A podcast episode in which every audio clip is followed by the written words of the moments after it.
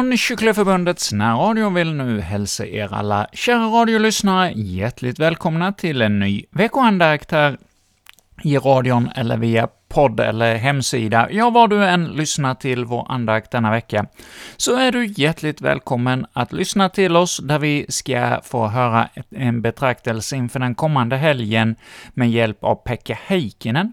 Men innan vi lyssnar till Pekkas andakt så får vi sjunga med på salmen eh, 326, Uppsaltare och häpa.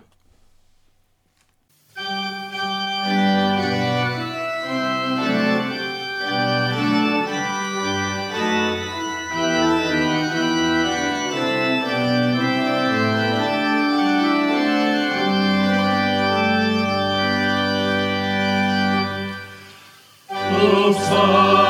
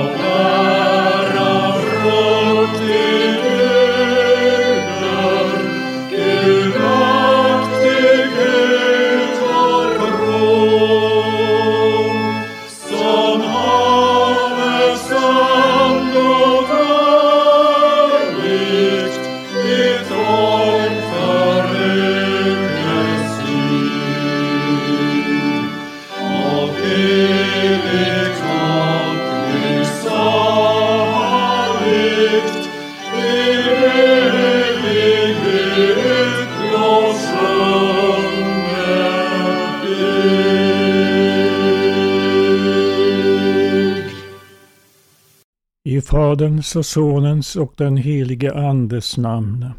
Låt oss bedja. Herre, samla oss nu alla kring ditt dyra nådesord. Likt ett vårregn låt det falla på vårt hjärtas torra jord. Värdes oss din ande sända och din eld ibland oss tända. Mätta ljuvligt det elända, Herre, vid ditt rika bord. Amen. Vi börjar med att konstatera att den kommande söndagen har två namn.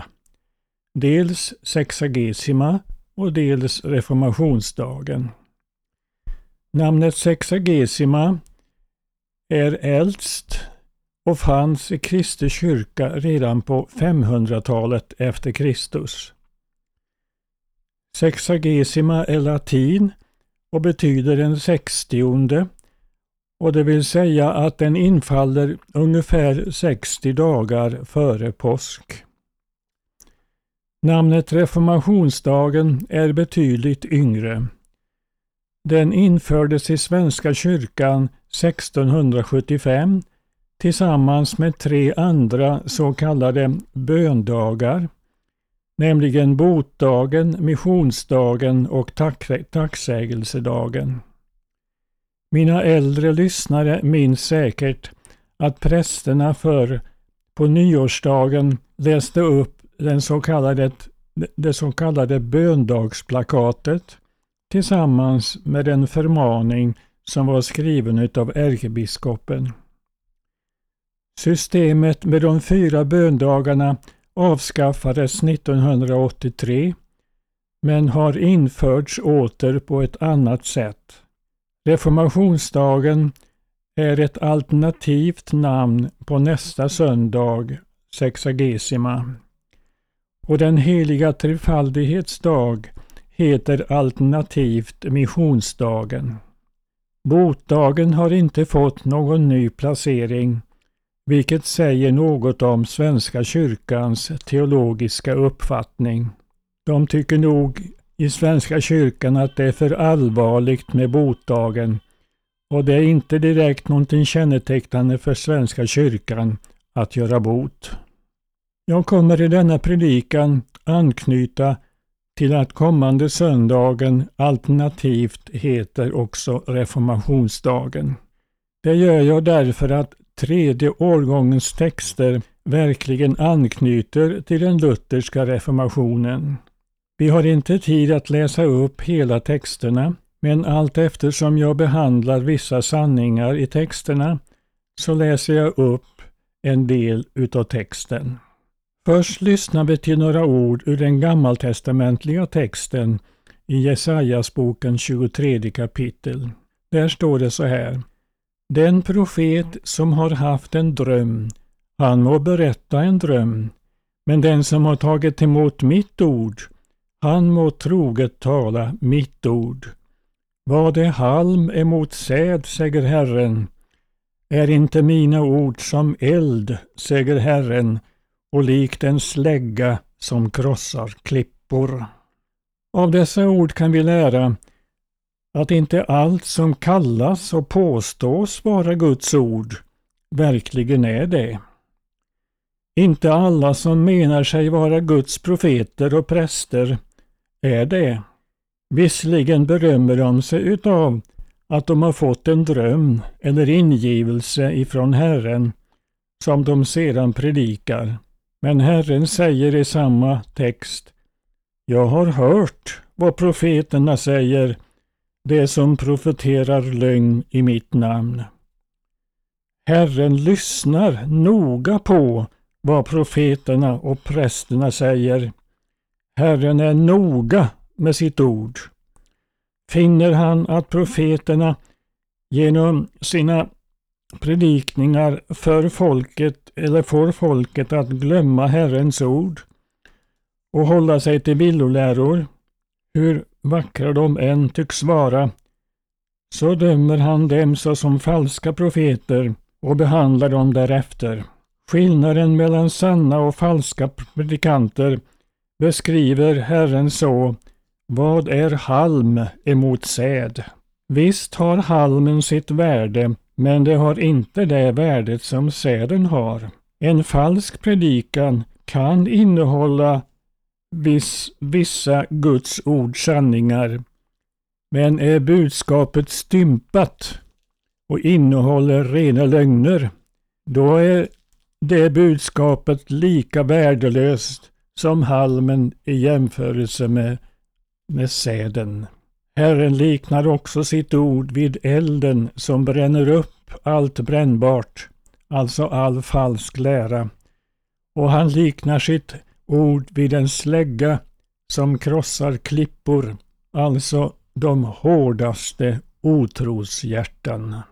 Vi går nu över till reformationsdagens episteltext. Där heter det bland annat så Guds ord är levande och verksamt. Det är skarpare än något tveeggat svärd och tränger igenom så att det skiljer själ och ande, led och märg och är en domare över hjärtats uppsåt och tankar. Av naturen har vi inget förtroende för Guds ord. Vi anser Guds ord vara gammalt och vidskepligt, något som det är skamligt och skrattretande att tro på och lyda. Av naturen hatar vi både Gud själv och hans ord. Hur botas sådant ont? Jo, det botas just genom Guds ord. Om människor verkligen började att både höra och läsa Guds ord så skulle de själva uppleva hur levande och verksamt Guds ord är. När det gäller att höra så ska det förstås vara ett hörande på sådana profeter och präster som lär i överensstämmelse med Guds ord i Bibeln. Gå och hör på sådana predikanter under alla årets sön och helgdagar, år ut och år in, så länge som du har den hälsan och kraften. Då kommer du att märka hur verksamt och kraftigt Guds ord är. Guds ord kommer då att lära dig att känna dina många synder och fel. Du får känna att du är inte så snäll och god som du har inbillat dig. Du får känna att du är värd att kastas i helvetet för dina synders skull och att Gud verkligen kommer att göra det om du inte på din dödsdag och på den slutliga domedagen har blivit ren från din synd. Du kanske frågar, hur ska jag kunna bli ren ifrån min synd? Jo, det får du också lära i Guds ord. När du försöker göra dig själv ren, ja, då får du lära dig i Guds ord att du saknar kraft till detta. Guds ord hänvisar dig istället att söka hjälp hos den helige Ande som bor i ordet och som arbetar på din frälsning genom ordet. Guds ande tröstar dig genom Guds ord med att du har en frälsare som har betalat den syndaskuld som du har inför Gud. Du har en frälsare som har lidit det eviga syndastraffet som du är skyldig att lida. Han har lytt detta i ditt ställe. Du har en frälsare som har hållit alla de bud som du inte har kunnat hålla. Han har hållit dem såsom en gåva till dig. Så att om du litar på det som Jesus har gjort för dig så räknar Gud som om du själv hade gjort det. Gud räknar dig då som en lika from och gudfruktig människa som Jesus var och fortfarande är.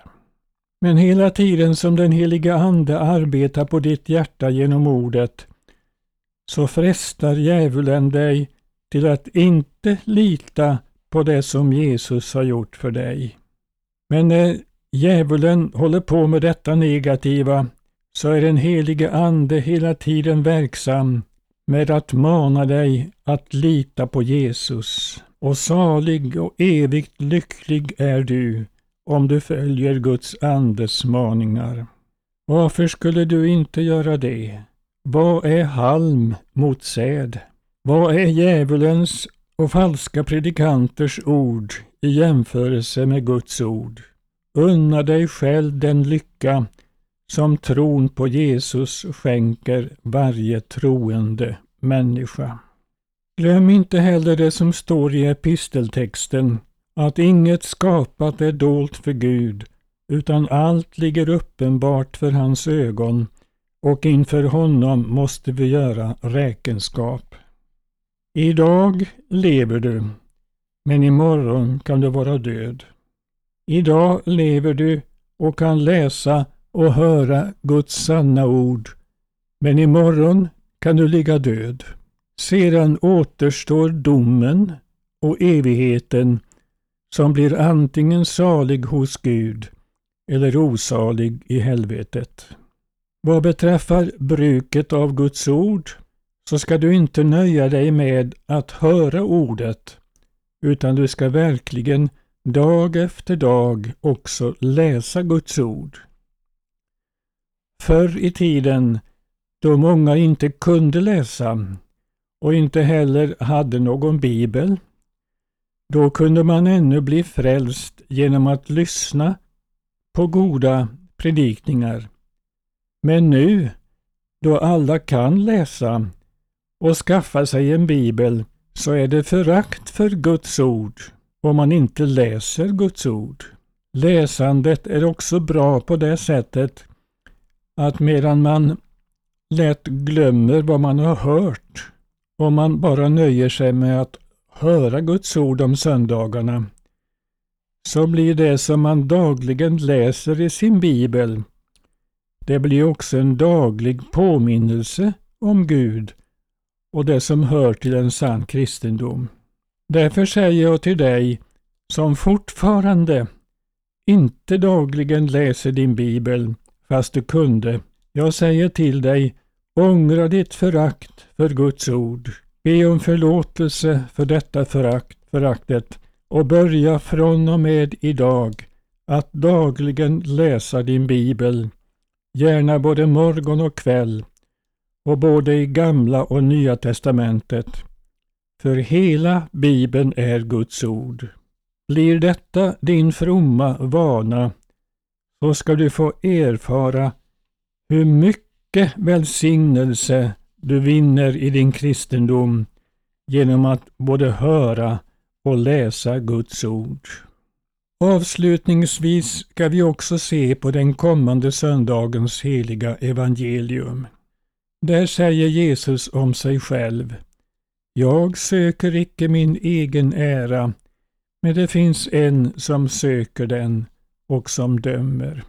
Det var någonting kännetecknande för Jesus under den tid som han levde på jorden, att han aldrig berömde sig själv, utan alltid gav berömmet till sin himmelske fader. Många och stora var hans ord och gärningar, men han betygade gång på gång att hans ord och gärningar inte var hans, utan de var Faderns. Och därför skulle inte han, utan Fadern, ha tack och beröm för dem. Detta kan man förvåna sig över när man tänker på att Jesus också kunde säga att han och Fadern var ett och att den som hade sett honom därmed också hade sett Fadern. Hur ska vi förstå denna Jesus stora ödmjukhet?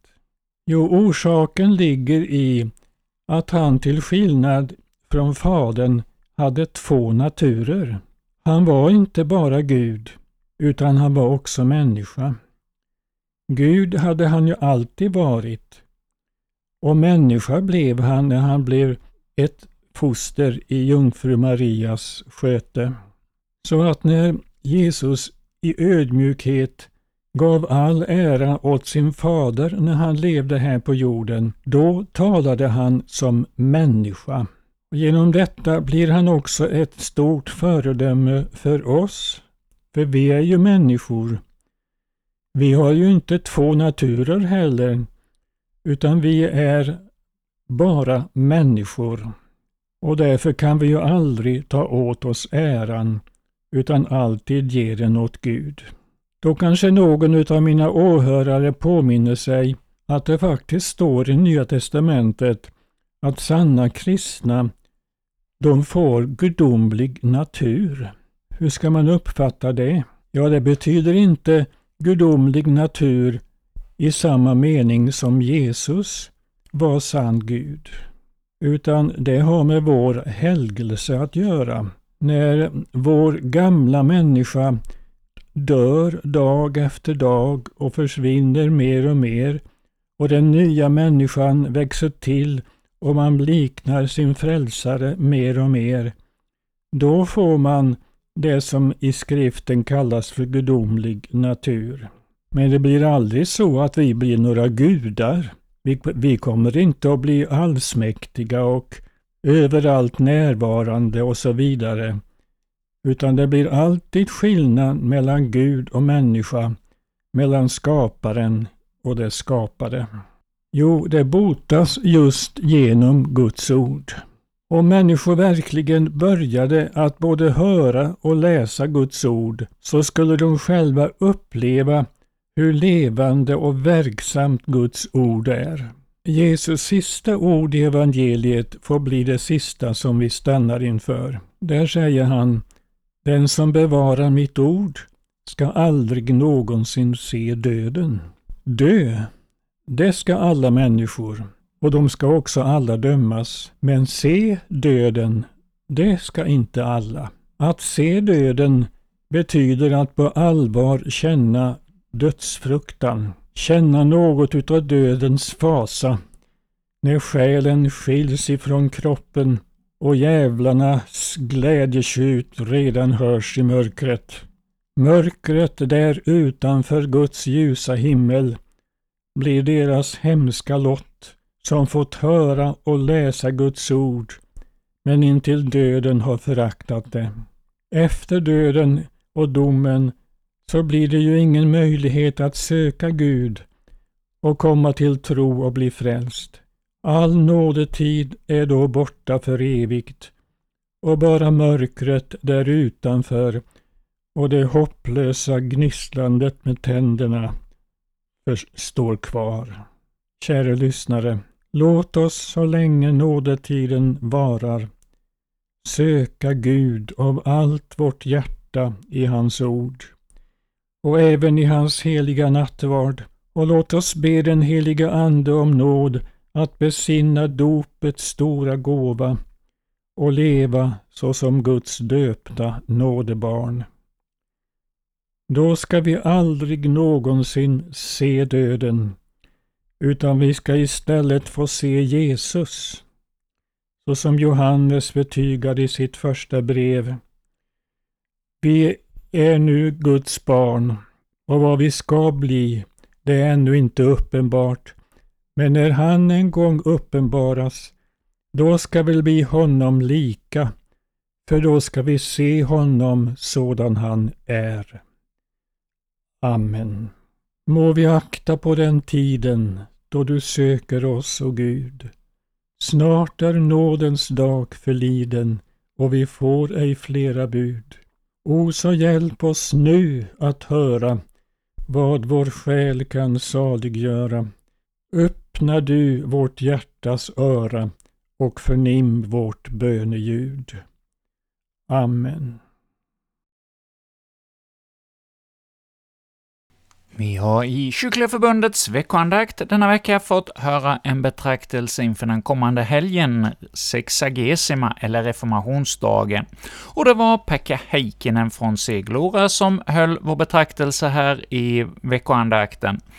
Och vi ska nu fortsätta vår andaktsstund tillsammans här i radion med att höra salmen 77 i psalmboken. ”Hör hur tempelsången”